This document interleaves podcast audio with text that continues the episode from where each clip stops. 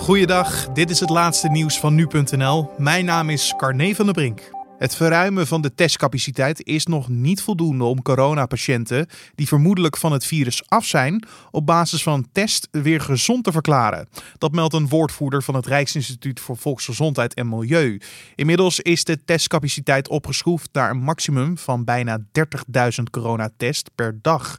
Doordat veel laboratoria nu over de noodzakelijke middelen beschikken, al dus het RIVM.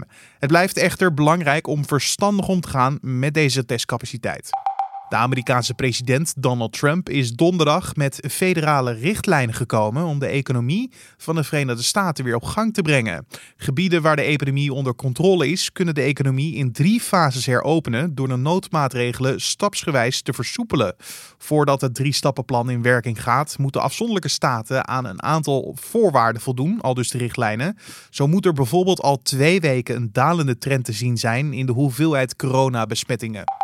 Een zeer grote stalbrand in het Brabantse Lierop heeft in de nacht van donderdag op vrijdag waarschijnlijk het leven gekost aan zo'n duizend varkens. Rond middernacht kreeg de brandweer de melding dat een van de stallen van een varkenshouder in Lierop in brand stond. De stal van 2000 vierkante meter, waar zo'n 1000 varkens in stonden, is zo goed als verloren en gevreesd wordt dat de dieren het niet hebben overleefd. Hoe dit heeft kunnen gebeuren is niet bekend. Forum voor Democratie-leider Thierry Baudet zou in appjes naar zijn partijcollega's hinten dat hij betaald wordt door een Russische propagandist in aanloop naar het Oekraïne-referendum. Dit blijkt na onderzoek van Zembla en de Nieuwsbv.